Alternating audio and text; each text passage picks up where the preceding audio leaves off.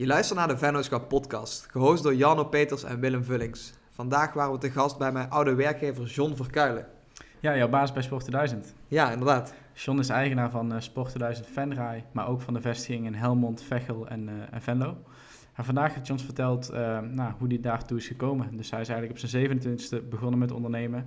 maar daarvoor ook hele mooie avonturen meegemaakt, onder andere bij Nike en bij, bij Reebok. Dus uh, ja, vandaag deelt hij zijn verhaal in de podcast. We gaan eens kijken hoe hij van niets iets heeft gemaakt. Juist. En uh, wat is jouw belangrijkste les uit de podcast? Schoenmaker blijft bij je leest. Veel luisterplezier.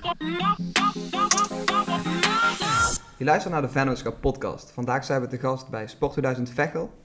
Een van de uh, filialen van retailondernemer en mijn oud-werkgever John Verkuilen. Hm. welkom in de podcast, John. Ja, jullie welkom. Welkom in Vechel. En ja, leuk dat jullie er zijn. Wil jij uh, kort even voorstellen? Mijn naam is John Verkeilen. Uh, ik ben onlangs 48 jaar geworden. Ik ben ondernemer sinds mijn 27e. Uh, gestart in Venray op de Grote Straat 49, waar we nu nog steeds zitten. En ik ben getrouwd, ik heb twee kinderen, een zoon van 21 en een dochter van 18 je bent uh, gestart op je 27 als ondernemer. Wat heb je daarvoor gedaan? Daarvoor heb ik eigenlijk um, alles gehad om mijn rugzak zo vol mogelijk te krijgen met skills die ik niet beheerste. En dat begon eigenlijk al vanaf mijn uh, middelbare, middelbare school. um, ik ben uh, vroeger de MDS, de, de, de oude detailhandelschool zoals ze dat noemen. En ik ben echt wel ja, ik ben een doorbutser, zoals wij dat in Brabant zeggen. Dus eentje die uh, niet opgeeft en altijd doorgaat. En dat was ook uh, bij mijn laatste examendag. Ik kan me de dag nog herinneren dat uh, mijn, mijn schoolgenoten, mijn kameraden, die gingen in het bos bij de, in het centrum bier drinken. En wat deed ik bij die laatste examendag? Ik ben direct naar uh, mijn huidige werkgever destijds gegaan, hier in uh, Veghel. Dat heette Hyprosport. En uh, ik ben smiddags meteen begonnen met werken. Dat is... Ehm, en daar ben ik niet meer weggegaan. Het grappige is, zoals heel veel, ook Willem, mensen bij ons binnenkomen. Of dat een, een stagiair is. Want zo ben ik begonnen. Ik ben als stagiair begonnen. Weekendmedewerker. fulltimer. Zo is dat gegaan. Dus vanuit, uh, vanuit school direct praktijk gaan doen en uh, ja, en heel veel sparen. En die skillset die je toen miste, wat, uh, heb je daar voorbeelden van? Wat wilde je echt leren op die leeftijd? Ja, met, weet je, verkoop dat, dat, dat, dat zit er bij sommigen direct in. Mm -hmm. Dat zie je ook direct en dat is ook aan te leren. Is redelijk goed aan te leren als je maar wilt, het, het, het wilt leren en het ook gaat, gaat doen. Dat is denk ik het meest belangrijke van, uh, van verkoop. Sommigen zijn te angstig en te bang. Uh, dat was ik niet. Gelukkig mondig genoeg. Um, maar de skills die ik niet beheerste, um, daar ben ik na mijn fulltime verkoopmedewerker hier in Veghel, ben ik vertrokken naar Houbrox in Uden. Die had een hele grote skiafdeling, 1000 vierkante meter. En John die kon alles verkopen. Die had ook, ik, heb, ik had ook voldoende kennis, of het nou running, uh, training, voetbal, hockey. Ik wist echt alles. Tot op productniveau, tot aan stoffen, uh, eigenschappen, alles wist ik. Alleen, ik had nooit een ski verkocht. Skischoenen, uh, bindingen, onderhoud, dat wist ik niet. Dus kwam een functie, er kwam een functie vrij bij Houtbroks en Ude, 1000 vierkante meter. En daar was ik toen verantwoordelijk voor. Ja, dat soort skills, daar heb ik het dan over. Oké, niet weten, maar wel willen leren. En gewoon doen. En dan, uh, en dan gaat hij vanzelf. En na die periode Houtbroks uh, ben ik bedrijfsleider geworden bij een winkel in uh, Ude. Een, wat, van een kleinere opzet. Maar wel ook weer heel leerzaam. Want wat pak je dan op? Dan ben je niet alleen maar met verkoop bezig, maar je bent met planningen bezig, je bent met budgetten bezig, je bent met boekhouding bezig op dat moment. En uh, met kaststromen. Fantastische leerschool heb ik daar gehad in Uden. Ehm, na die periode, of ja, dan kom je, en vanuit die winkel kom je in contact met leveranciers. Nou, en toen kwam het interessante voor mij dat ook leveranciers zien ehm, hoe jij beweegt en hoe jij uh, jouw winkeltje draaiende houdt. En mijn huidige werkgever toen kon mij niks, uh, geen ander perspectief bieden dan bedrijfsleider blijven in die winkel. En toen ben ik benaderd door uh, Reebok. Reebok Benelux, die zat in Leusden. En ben ik vertegenwoordiger geworden. dat noemen ze in, in, de, in de termen een sales representative. En heb ik Zuid-Nederland gedaan voor Reebok Nederland. Dat, dat was een, een jaar lang, bijna een jaar lang want uh, deze jongen had een, die ging weg en die ging tekenen met een jaarcontract. Dat doe je dan als je jong bent, hè? Daar, ga je gewoon voor. Hè? En, en, het grappige daarvan is, is hey, je bent net getrouwd, huisje gekocht, hypotheek. Je gaat bij een nieuwe werkgever, je tekent een jaarcontract. En ik deed het gelukkig heel erg goed. Ik scoorde 130% van mijn targets. Maar uh, in die tijd uh, werd er, ging Reebok reorganiseren en dan is het first in, first out. Ja. Dus dan lig je eruit. En dan kun je 130 of 150 procent van je target scoren, maakt niet uit. Je had een jaarcontract. Dus in oktober werd mijn, uh, werd mijn job opgezet. Ze gingen fors snijden in, in de sales. En dat, dat weet ik nog goed, dat moment. Ik was samen met mijn vrouw Monique op vakantie en ik werd gebeld ja, sorry John, dat was mijn salesagent. Hij zegt, sorry John, maar ja, ik kan je niet houden. Dus uh, per 31-12 uh, werk je niet meer bij Reebok. Nou, op een jonge leeftijd is dat even schrikken. Zeker op het moment dat je net huisje, boompje, beestje aan het bouwen bent. Hoe oud was je toen? Dan zit ik nu even te denken. Uh, 25 was ik toen. En uh, vanuit die periode, dat dan zit je, eh, meestal zit ik nooit zo lang in, uh, in zak en as. Hè. Dat duurt bij mij een uurtje en dan ben ik alweer positief en dan kijken we vooruit. Maar het grappige uh, toen was is dat ik een, week na dat telefoontje en nadat wij terugkwamen van vakantie, werd gebeld door Nike. dat was Sjaak Hoksbergen, dat was Mr. Nike, die werkte daar al 23 jaar. Die heeft het ook nog mee op zien groeien, hè, van, van, van nul naar iets. en Sjaak belde me op en die zegt, god... Uh, John, ik heb goede berichten van jou gehoord en ik ken jou nog vanuit die winkel. Um, wij hebben mensen nodig. Toen ben ik bij Nike uh, begonnen. En uh, daar was het niet iedereen in mijn omgeving mee eens, want ik ging fors minder verdienen. En soms zeg ik, dat zeg ik ook wel eens bij ons op de vloer. Het is niet altijd, um, geld is niet zaligmakend. Het is belangrijk hè, om in je vaste lasten te kunnen voorzien, et cetera, et cetera. Op dat moment ging ik gewoon uh, eh, 300 euro bruto achteruit. Guldens destijds nog. Dus 300 gulden bruto achteruit. Nou, even slikken. Maar ik heb dat wel gedaan. Nike, A-merk, Amerikaans, gepassioneerd gedreven zoals ik was. Dat gaan we doen. Daar heb ik in een uh, hele korte periode, dus tot mijn 27 heb ik daar gewerkt. Heb ik uh, zes verschillende functies gehad en mijn laatste functie was key account manager in, uh, uh, in de Benelux, waarbij ik echt grote accounts uh, deed. Zijn het dan winkels? ja, ja. Dat was Perisport, V&D, Intersport Nederland. Welke had ik nog meer? Coach destijds. Ja. Dus dat, dat en het, het, het fijne van het werken bij, bij Nike is dat je um, binnen een week ben jij gebrainwashed. dat zeggen ze wel eens. Hè? Er staat een, eh, een swoosh op je middel getatoeëerd. Maar dat is ook echt zo. Dat gevoel krijg je ook gewoon. Wat merkte je van de, de Amerikaanse cultuur? Of heerste die niet binnen Nike? Ja, die heerst daar wel. Um, het, het, is eigenlijk een cultuur, en daar hadden we het net in het voorgesprek over. Hè, uh, een, een, cultuur die, die ik eigenlijk een beetje van Nederlands heb, wat ik ook bij ons uh, binnen heb gebracht. En wat sommigen binnen onze bedrijven zelf verstandig hebben overgenomen. Dat is wel een beetje die die-hard uh, mentaliteit. En, en doorzetten. Mm -hmm. Er constant voor gaan. En qua directheid, want ik hoorde laatst een, een andere podcast waarin Flo Wesseling te gast was. En ehm, hij is designer geweest van Nike, dus echt van de voetbalshirtjes. Mhm. En ehm, hij had ook heel veel contact met de Amerikaanse tak van Nike. En hij vertelde gewoon van, kijk, wij Nederlanders zijn vrij direct in elkaar. We kunnen gewoon zeggen wat op staat en dat wordt dan meestal geaccepteerd. Maar ehm, als je dus met Amerikanen bijvoorbeeld samenwerkt of met mensen uit andere landen waar dat minder in de cultuur zit, dan eh, kan het nog wel eens voor echt, dat, dan kan het echt voor stru- struggles zorgen. Dat die mensen gewoon helemaal ja, ineen duiken en niet meer durven te reageren op wat je hebt gezegd.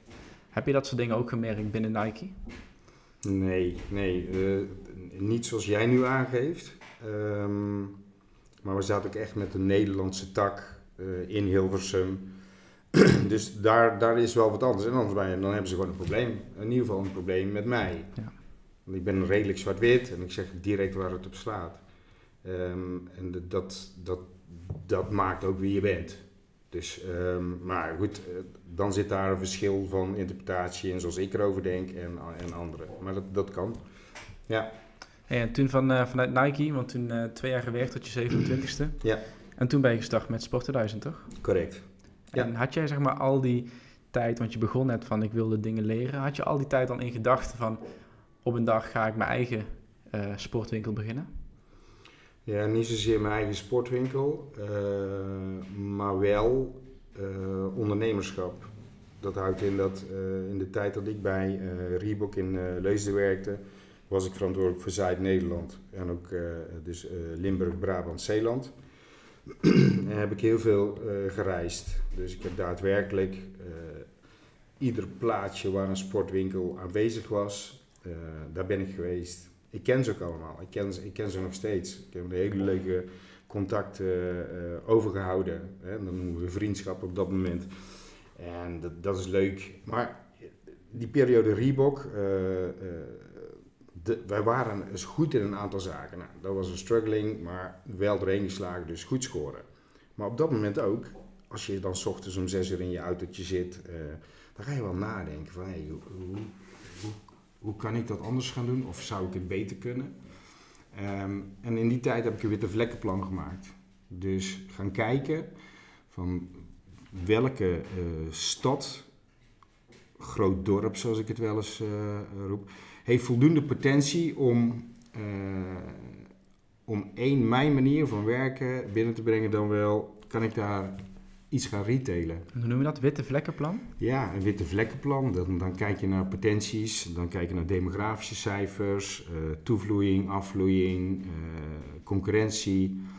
Nou, en daar stond voor mij eh Venray op nummer 1.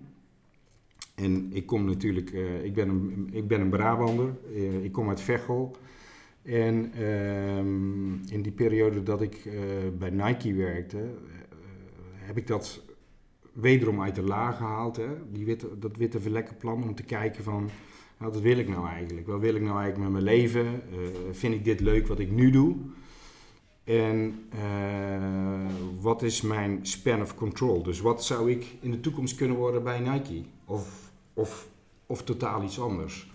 En in die periode ehm, wist ik wat ik binnen Nike kon bereiken.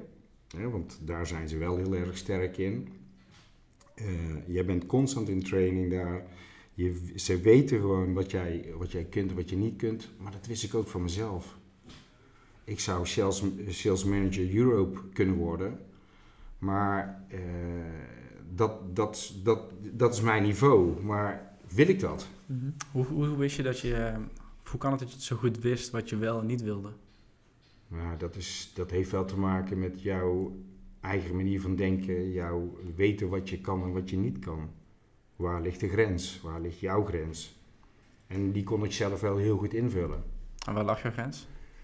Ja, zoals ik al aangeef, dat, eh, dat, dat, zou, eh, dat zou sales manager zijn. En is dat mijn ambitie? Nou, ik, ik wil wel graag doorgroeien. en bij een Amerikaans bedrijf kan het heel snel gaan. Maar het kan ook heel erg rap achteruit gaan. Dus de, de, degene die mij aan had genomen, Sjaak Hoksberger, die naam heb ik net laten vallen. Sjaak werkte 24 jaar voor Nike. Maar eh, dat, heeft hij, eh, dat hebben ze nog drie maanden langer met hem volgehouden. Dus voordat hij zijn 25-jarig jubileum bij Nike had, en dan hebben we het over een Amerikaans bedrijf, strepen door, Ja. eruit. Je werd ontslagen, nou, daar ga je ook over nadenken. En wil jij 's ochtends om 6 uur in je auto zitten eh, om op tijd in Hilversum of in Leuzen te zijn? En wil jij tot s'avonds 10 uur door de week eh, eh, sales calls draaien met, met klanten? Nou, er zijn, wel, er zijn echt wel dingen waar ik over nadenk. Zeker op het moment als, als jouw vrouw zwanger aan het worden is en, en je, je bent ook nog, je, staat, je bent zo jong, je staat midden in het leven. Ehm, maar dat reizen en die tijden van 6 tot 10 s'avonds werken, vond ik absoluut geen probleem.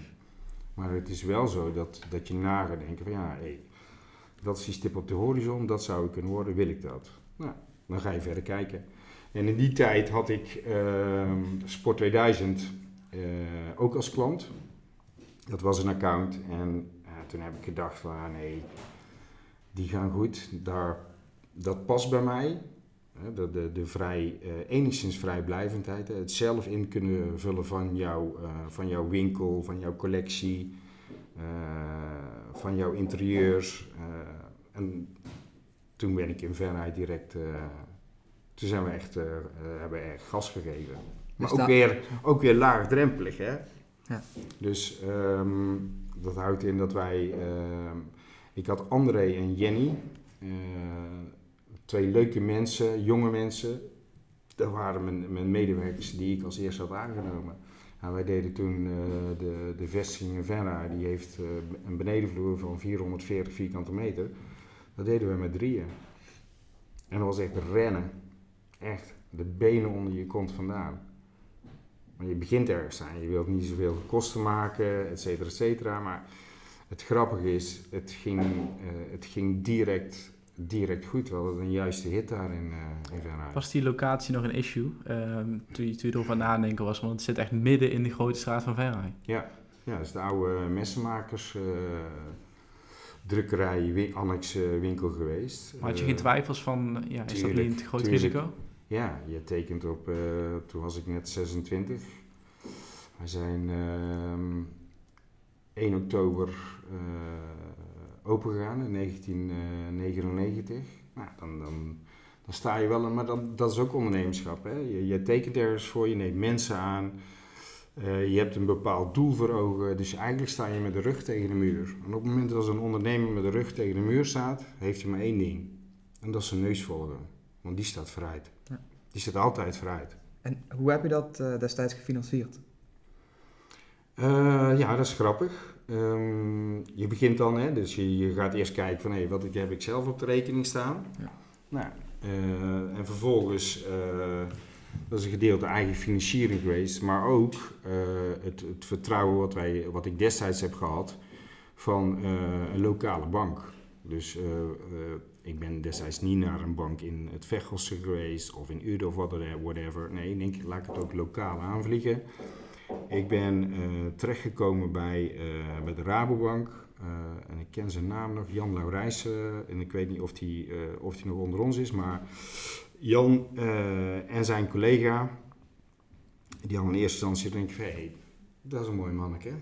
Die komt hier op zijn 26e voor een financiering. En ja, in een, in een markt waar en Jan was een eh, agrarische, eh, die zat eigenlijk in de agrarische sector en dat, dat was mijn eerste contact. En ehm, na, na twee gesprekken ja, hadden ze het vertrouwen daarin. En eh, heeft, daar is de Rabobank dan een onderdeel van geweest in onze opstart.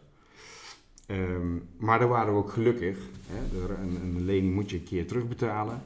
En door het succes in Venray hebben we dat op een hele korte termijn kunnen doen. Dus dat heeft geen vijf jaar geduurd.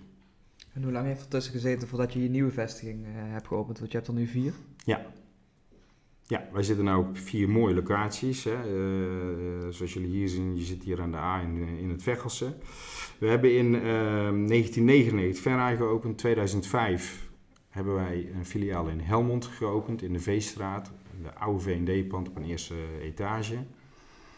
En eh 2000, moet ik even goed nadenken, dat ik geen verkeerde datum zeg. 2008 eh, hier in Veghel.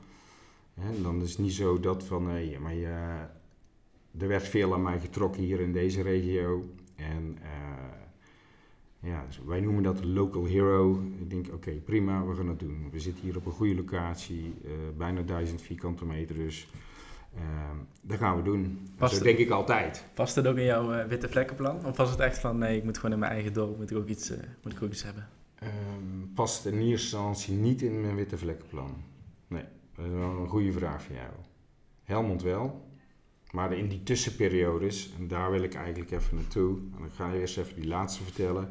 Dat is Venlo geweest, eh, dat was oktober 2016. Eh hebben op de Maasboulevard, eh echt een schitterend pand. Absoluut. Ehm, eh, een hele goede winkel neergezet. Ehm, maar even terugkomend op, jou, eh, op jouw vraag. In die tussenperiode is er heel veel gebeurd. En wat ik wel heb geleerd door al die jaren heen, is eh, schoenmaker blijft bij je leest. Nou, je ziet veel ondernemers, die gaan er dingen bij doen. Want oké, prima, dit is goed gegaan. En dat gaat dan niet met 38 uur, gewoon volle bak erin. Maar het grappige is dat ze er dan vaak dingen bij gaan zoeken. Oh, dat is wel grappig, oh, dat kan ik ook. Nou, dat heb ik zelf ook ervaren. Ik heb een periode een uh, voetbalacademy gehad in, uh, in Venray en in Horst. Uh, dat heb ik samen met Leon gedaan. Was superleuk om, om met jeugd te kunnen gaan werken. Um, maar in, in, in, in die tijd uh, er zat absoluut geen verdienmodel in.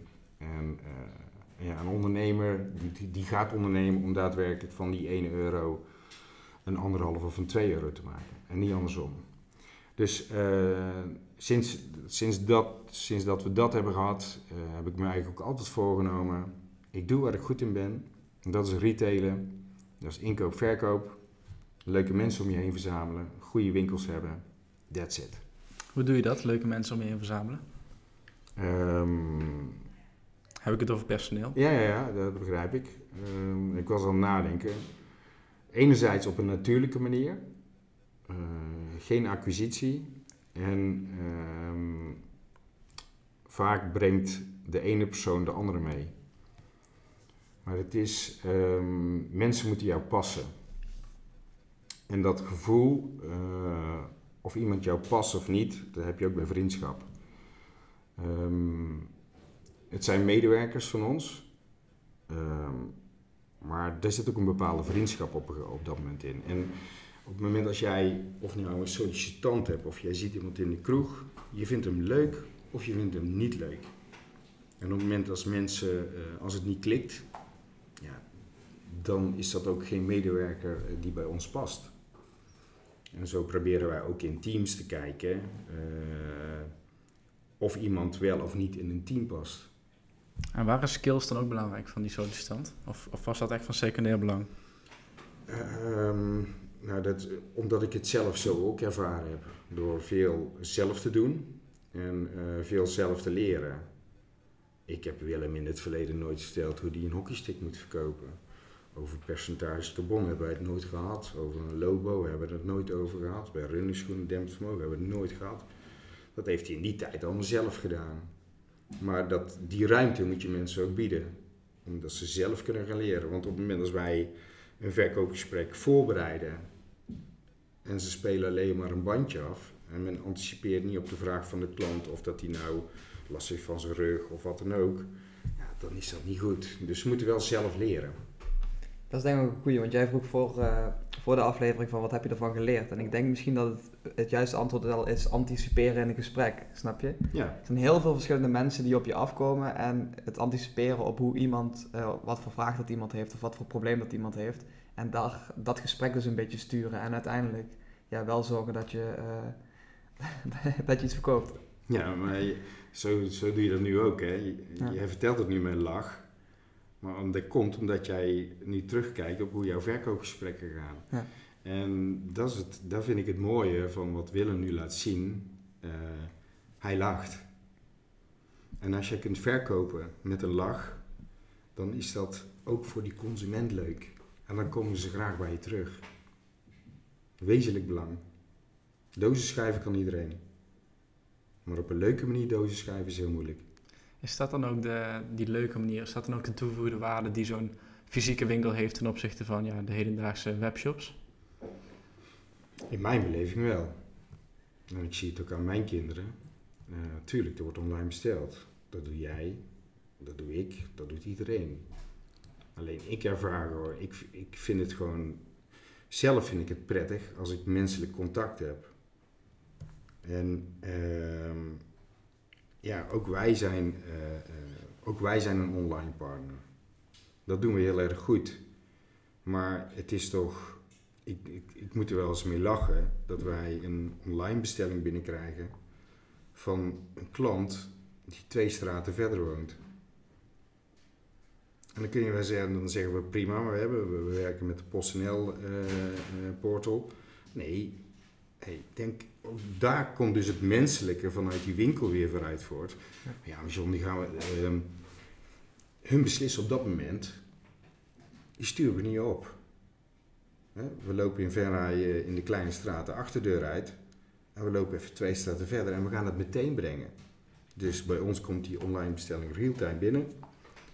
En deze klant heeft binnen een kwartier zijn producten in huis. Omdat, omdat ze bij ons op de vloer nadenken. Denk van, hé, hey, die ga ik brengen. Ja. Dat is toch veel leuker. Dus ik denk dat, um, en dat zie je ook nu in die periode, um, online belangrijk, je bent aanwezig. Het is een onderdeel van je omzet geworden. Maar het menselijke karakter wil contact, wil sociaal contact. Hoe groot is dat onderdeel nu van je omzet dan, online? Uh, zit op 7%. Oké. Okay. Die is redelijk laag. Ja, dat is laag. Je ziet in, de, in verschillende branches uh, richting alle richting de 15 en 20 procent. Uh, het zijn ook wel cijfers die in de, in, de, in de sportbranche die ook zo landelijk zijn. Dus die, die schommelt rond die 7 procent. En whatever, hij mag volgend jaar 15% zijn, 25%. Maar nogmaals, ik vind het prettig als klanten bij ons in de vestiging komen. Ja, het is ook niet van niks dat Coolblue, wat begonnen is als een hele grote webshop, uh, in de grote steden fysieke winkels heeft geopend. Ze zien wel degelijk de toegevoegde waarde van het menselijk contact, of het even zien, het even voelen van producten. In jullie geval het passen van de schoen. Uh, heel veel mensen ervaren het toch als dermate prettig dat ze ervoor kiezen om langs te gaan in plaats van alles online te kopen. Ja, dat is correct. Hey, en we hadden het net over de, de vier filialen, Helmond, Vechel, Venlo, Verrij. Um, als ondernemer zie ik heel veel, uh, of ik zie heel veel ondernemers die last hebben van, uh, of die een beetje controlfreak zijn, of die last hebben van loslaten. Um, bij één vesting. Oh ja, maar dat heb ik ook. Kan, je hoeft je vraag niet af te maken.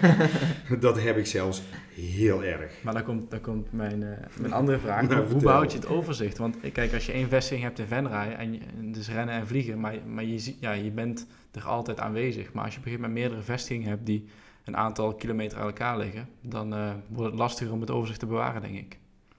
Uh, ja en nee. Ik denk dat het begint één met uh, vertrouwen geven aan jouw medewerkers. En, dat, en nogmaals, het woord medewerkers hoor je bij mij constant zeggen, want die zijn gewoon voor mij en voor onze winkels enorm belangrijk. Maar het begint dus met vertrouwen geven aan, aan jouw filiaalmanager die jij hebt aangesteld. Daar ben ik zelf verantwoordelijk voor geweest. En als die niet goed is, dan ligt het aan mij, niet aan die persoon. Dan heb ik het niet goed gedaan. Dus het begint met vertrouwen.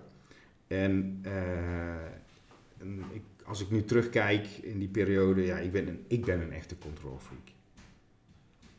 Toen wij nog twee vestigingen hadden, Helmond en uh, wist ik in iedere vestiging echt alles te liggen. Van een tie-ripje tot een schroevendraadje, vraag het mij, maar ik weet het. En, um, en nou, nou noem ik iets minuscuuls, maar uh, dat heeft ook met andere zaken te maken. Ik weet de omzet van de dag tot op de cent nauwkeurig. Ik, ik wist de bongemiddelde, ik wist alles. En, uh, en dat weet ik nu van vier filialen nog steeds. Maar ik focus, ik heb wel geleerd in die tijd dat, um, en dat kwam eigenlijk met de derde vestiging, dat je dingen moet gaan loslaten. En daar heb ik het als ondernemer best lastig mee gehad. Heel lastig zelfs. Dus dat je uh, te veel uh, controle wilt uitoefenen, te veel wil weten. En dan, groeit, dan groeien de mensen niet. Dan groeien onze medewerkers niet. Dus eh, loslaten. Loslaten, loslaten. Wanneer kwam je erachter dat dat eh, eigenlijk meer negatieve gevolgen had dan positieve? Eh, bij het openen van eh, Venlo. Dat is rijkelijk laat. Dat is vrij laat, ja. Ja. En dat, dat is iets wat ik ook eh, wel eens tegen mezelf zeg. Van, ehm, ja, laat het los, laat het gaan. En dat heb ik in de, de voorperiode ook gehad. Ik vind het prima als mensen fouten maken. Hè? Zolang ze er maar van leren. Maar waar je zelf, eh, en dat, dat is een eigenschap van een control freak, die wil, heeft liever dat er geen fouten zijn. Omdat hij denkt dat hij zelf alles beter kan. Maar goed, zelf alles beter met vier vestigingen, dat gaat niet. Nee. Dus nogmaals, goede mensen. Daar gaat het om. En, nu, het- heb ik het, nu, nu laat ik het los. en is dat dan dat je het nu los kunt laten, is dat ervaring? Ja, behoorlijk. Maar eh, ik, ik, ik ben in sommige, eh, sommige dingen wel eens een laadbloeier. Maar wel een hele goede laadbloeier. Dus wel blijven presteren, maar enigszins te laat losgelaten. Ja. Hey, weet je, vroeger toen je klein was, eh wist je toen al dat je ondernemer wilde worden? Of wilde je, toen je heel klein was, wilde je, wilde je toen wat anders worden? Ja, het grappige is van vroeger. ehm, ik, ik, ik wist dat ik een uniformberoep wilde, wilde hebben. Ik heb tot aan, tot aan de keuring marechaussee heb ik gedaan. En op het moment van eh, toen het puntje bij paaltje kwam, eh, heb ik het alsnog niet gedaan. Maar dat, ja, dat is de rode draad door mijn leven. Stel voor dat ik dat wel had gedaan, wat was ik dan geworden? Maar ehm, ondernemerschap, nou, nee, uniformberoep was het. Oké. En eh, wat vind jij het allerleukste aan je werk? Diversiteit. Mensen. Ehm, en ik werk graag. Ik doe dat nog steeds zes dagen in de week. En als, ze moeten, als het moet, dan doe ik het gewoon zeven dagen in de week. Het maakt me niet uit. En hoe ziet, eh, hoe ziet zo'n werkweek voor jou eruit, gemiddeld? Wat doe je zoal? Wil je per dag eh, hebben of per uur of zeg het maar. Doe maar per dag. per dag. Nou ja. Nee, een, een werkweek voor mij, eh, die begint eigenlijk direct maandagochtend meteen volle bak erin. Dat dan, eh, wij kunnen real-time cijfers lezen, maar in de maandag ga ik de diepte in. Eh, we lezen, ik lees alle doorverkoopcijfers, ik lees eh, de slow movers, de fast movers. Ehm, we pakken en daarop direct die inkoop aan. Dus eerst jezelf inlezen in cijfers, marges, omzetsnelheden, eh, de, targets. We pakken de targets van die filiaal erbij. Gehaald of niet gehaald. Eh, wat kunnen we er doen om volgende week beter te doen. En, maar dat is eigenlijk wel wat ik nu zeg. Dat gebeurt eigenlijk 24 uur per dag. Je gaat ermee naar bed en je staat hem op. Hoe kan ik het de volgende dag beter doen? Het gewoon iedere dag beter willen doen, is, ja, dat zit er bij een ondernemer in. Maar dat is, eh, eh, die maandag is het cijfermatige. Wij hebben hier een heel mooi back-office. Eh, daar hebben we goede medewerkers zitten. Die draaien onze Never Out of Stock programma's op dat moment. Ehm, die zijn woensdag bij ons binnen, donderdag weer in het filiaal. Dus wij proberen wel eh, de maandag vrij te houden voor het inlezen en het acteren naar dat wat er afgelopen week verkocht is. Heb jij ehm, heb je altijd op cijfers gestuurd? Ja, Ook in de beginperiode? ja, direct. Dat weet je, eh, op het moment dat je natte vingerwerk wil doen, ehm, dan moet je niet. Retail is detail. Dus dan, dan wil je ook weten wat er daadwerkelijk gebeurt. En ehm, in met, met, met, met cijfers eh, leer je. Op het moment als ik, als ik nu een cijfer zie, dan weet ik wat het gevolg is van dat cijfer. Maar wa- wat er ook vooraf heeft afgespeeld. En dat is wel de kracht. Dus dat eh sturen op cijfers, enorm belangrijk. En de rest van de week, want we waren bij maandag. Ja, dan, dan, dan ga ik golven, eh, weet ik niet. Nee, dat is... En daarom is het ook zo leuk. Het is divers. Het is iedere keer anders. Die maandag staat redelijk vast. Eh, dinsdag gebruik ik veelal voor het uitwerken van mijn eigen werkzaamheden. Ehm, of dat nou eh, filialen zijn, of dat is onze business to business. Daar doen we eh, redelijk veel in. Dat zijn clubs, verenigingen, maar ook heel veel bedrijven waar we voor werken. Ehm, woensdag gebruik ik meestal eh, voor filialen. Dat moet ik eigenlijk splitsen op woensdag, donderdag, want om in één dag alle winkels even snel uh, langs te gaan, werkt niet altijd positief. Dan ben je daar een uurtje of een half uurtje en dan, dan kun je ook de indruk achterlaten van hij is te vluchtig. Dat werkt niet. Dus uh, probeer wel tijd te maken uh, voor onze filialen, voor onze mensen. En wat doe je daar dan als je langs gaat? We kijken, we kijken, ik, kijk, ik kijk met name naar de winkel aan zich. Ik ervaar het op dat moment ook als een klant. Hoe het erbij, hoe het erbij staat? Presentatie is goed, uh, header is goed, zijn de prijzen, prijspoints zijn die goed. Um, onze eigen medewerkers, hun eigen, onze, onze werkkleding waar wij gewoon een vaste ramine in hebben, wordt het uitgevoerd. Um, ja, en in die diepte ga ik nog niet, dus ik, ik doe daar op dat moment geen kascontrole. Daar, um, daar heb ik een, uh, een andere medewerker voor, die ook de filialen bezoekt, naast mij. Dat is Tom, uh, Tom Kerstens, is filiaalleider in, uh. Maar die coacht ook direct Helmond en Venlo daarbij. Voor mij is het een uur rijden Venlo. En hij zit dichtbij. Dus Tom pakt het cijfermatige kostcontrole en planning aan bij de filialen. En vervolgens kijk ik in een overview als een paraplu-overzicht gewoon over de rest heen. Dat, dat geeft voor mezelf, en dat heb je het over loslaten. Dat deed ik voorheen niet. En nu, is het, nu laat ik dat los. En kan ik op een andere manier gaan coachen en met onze mensen omgaan. En dan zitten we op donderdag. Net als vandaag, toch? Ja, podcastdag op donderdag. Ja, vandaag is het podcastdag. Zit ik hier met die twee gabers heel de middag. Willem? Ja, zeker. Nee, donderdag um, uh, geen vaste invulling. Maar ja, weet je, je krijgt op die computers tegenwoordig voor zoveel mail. Ik vind het, uh, ik, wat ik één ding los, los heb gelaten is werkmail op mijn telefoon. Daar komt bij mij niks op binnen. Ja, er komt wel iets op binnen, maar dan is het meer privé kwesties. Dus uh, geen zakelijke mail op de telefoon geeft me enorm veel rust, ook s'avonds. Um, en uh, werk ik mijn mailboxen bij en uh, bedien ik de vragen van de klanten die ik moet beantwoorden. That's it. Zijn er ja. meer dingen die je doet om focus aan te brengen? Om gefocust aan het werk te gaan en elke dag te kunnen presteren? Hoe bedoel je? Um, je zegt dat je bijvoorbeeld je mail van je telefoon hebt afgehaald, maar zijn er meer dingen die je doet? Bijvoorbeeld tussendoor even naar buiten wandelen, um, misschien dat je, uh, ik weet niet of je veel doet sporten, dingen die je... Ja, sport nog steeds veel en dat vind ik ook erg leuk om te doen. maar als je zes dagen in de week werkt, is sporten soms een last. Mm -hmm. Is het voor jou dan belangrijk dat je wel die balans even goed opzoekt? Ja, want anders, dan, ja, anders kun je op den duur denk ik ook niet als je zoveel... Nee, maar dat kan ook, weet je, ik neem die vrijheid in, het, in het hoogseizoen, dan, dan ben ik gewoon aanwezig. Mm -hmm. Ben ik zelf niet actief in de winkel, dus ze kunnen wel een beroep doen op mij, mocht het nodig zijn. Als een soort vliegende kiep. Okay. Um, maar ik neem voor mezelf ook wel eens de tijd, en dat kan ook op een zaterdagochtend zijn. Door de week niet, maar op een zaterdagochtend dat ik zeg van prima ik ga lekker de tuin in met mijn bladblazer en ik, uh, ik ben lekker aan het, met mijn handen bezig.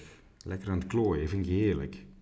En dat is, die vrijheid neem ik dan. En uh, ja, dan vlieg ik om uh, 11 uur of om 1 uur binnen. En dan gaan, we, dan gaan we lekker aan de bak. Maar dan is mijn kopje wel leeg. Welke uh, persoon inspireert jou op dit moment? Ja, dan is het even stil. Um, ik heb, als ik kijk naar inspirerende personen, ja, dat vind ik een moeilijke. Die heb ik, uh, die kan ik jou niet 1, 2, 3 noemen. Kijk, iedereen noemt direct bekende namen. Mm -hmm. Maar ik heb, ik heb onbekende namen voor jullie. Dus ik kan ze noemen, maar er zijn echt mensen die ik dichtbij me uh, heb staan. Zijn ook, medewerkers, ook medewerkers die mij inspireren. Mm -hmm. En uh, ook in mijn vriendenkring mensen die mij inspireren. Oké. Okay. En zijn er dan... Het is makkelijk om Richard Branson te noemen, maar ja, nee, ik ken hem niet. Ik heb uh, twee bladzijden in zijn boek gelezen en heel snel weer dicht gedaan. ja, als je je eigen daarna moet gaan meten, dan, eh dat gaat niet. Nee, ik heb inspirerende personen om me heen. En zijn er ook mensen eh, van die personen die je echt hebben geholpen eh, in de wereld waar je nu in zit, zeg maar? Dus die je echt Ja, maar dat is constant door. Dat Ja, gaat. Maar er is niet één iemand die, dat je denkt van, oh, daar heb ik echt iets aan te danken. Of een soort van coach of zo, die je jaren door heeft eh, begeleid. Of geholpen met vragen. Nou, als ik, als ik nu wat namen noem, ehm, dan zou ik andere eh, waarin ik dat zelf heb ervaren tekort doen. Dus dan moet ik er eigenlijk een stuk of acht opnoemen en dan kan ik er goed één vergeten. Dus dat eh, laat ik dat maar niet doen. Oké. Maar er zijn echt wel mensen om me heen en eh, deze personen die weten dat ook, die, eh, die mij wel een richting hebben gegeven. Ja. Je gaf net aan dat je het boek van Richard Benson, dat je twee bladzijden had gelezen. Ja, ja maar het komt ook omdat ik geen lezer ben. Dat was met Ik lees heel veel, maar ehm, ik, ik, ik vind een boek mooi om te zien Maar geen boeken lezen. in de kast. Maar geen boeken lezen. Ik, ik lees, eh, ik lees de, de LinkedIn's, ik lees echt heel veel. Eh, om, om mezelf inhoud te geven.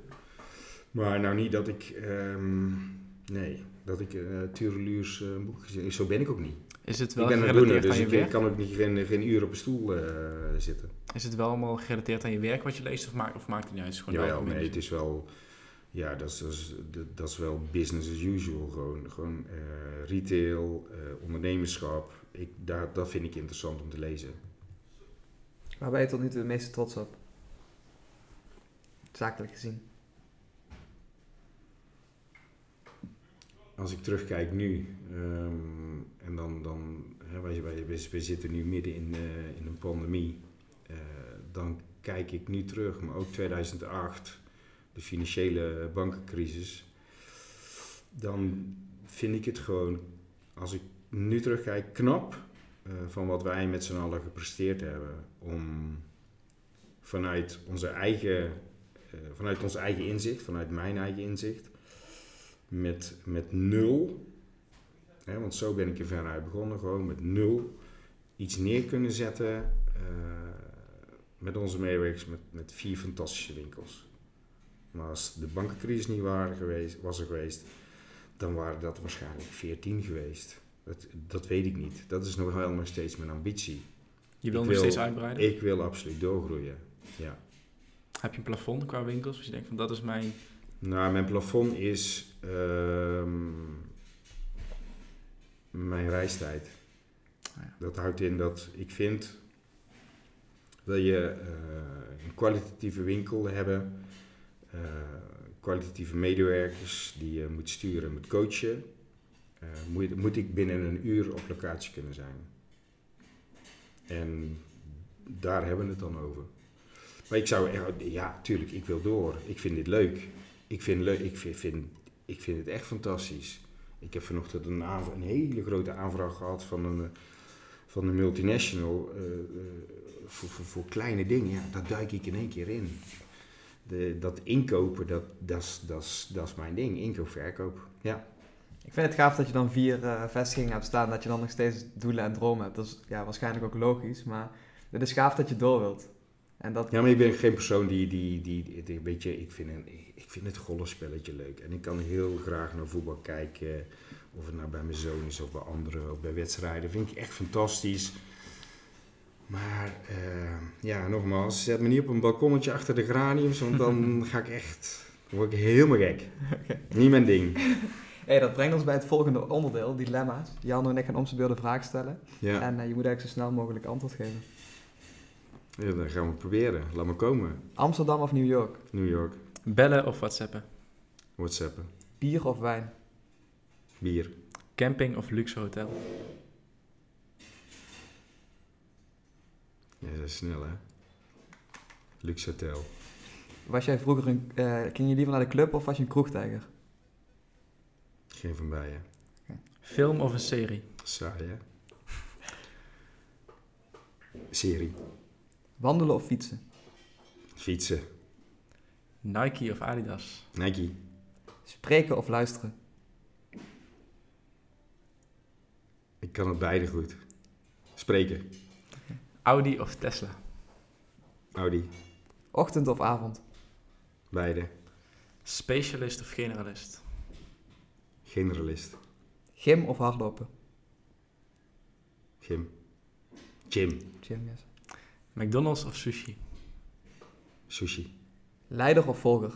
Leider. Radio of podcast? Sorry. Radio. Wintersport of zonvakantie? Wintersport. Koffie of thee? Koffie. Introvert of extravert? Extrovert. En de laatste, een Rolex of een Apple Watch? Nou, ik heb er een voor 25 euro aan, dus dat is alle twee niet. hey, eh, wij zouden graag willen weten welke eh, gast dat jij graag in de podcast zou willen hebben. Heb jij iemand dat je denkt, die moeten jullie eens uitnodigen voor de podcast in jouw netwerk? Ja.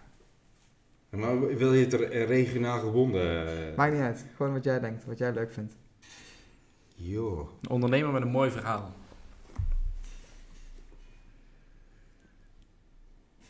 Daar denk ik even twee minuten over na. Is dat goed? Oké, Dan kom ik er daar wel even op terug. Dat is goed. Want ik Eh. vind, weet je, eh, dat wat ik zeg, dat moet wel, ook voor jullie, ja, dat moet ergens klikken. Ja, Doe het na de uitzending. Ja. dat is goed. Dan eh, sluiten wij af, want eh, de aflevering zit er alweer op. Maar wij zijn, eh, wij zijn heel benieuwd naar de gouden tip voor onze luisteraars. Hm. Luisteraars die in het ondernemen zijn. Ja. Ja, eh, doorbutsen. Oké, mooi hè? Niet bij de pakken neerzitten, ook niet nu. Doorgaan. Daar zijn we mee begonnen en sluiten hem ook mee af. Yes. Bedankt voor het luisteren, dat was weer voor vandaag. En eh, tot de volgende keer.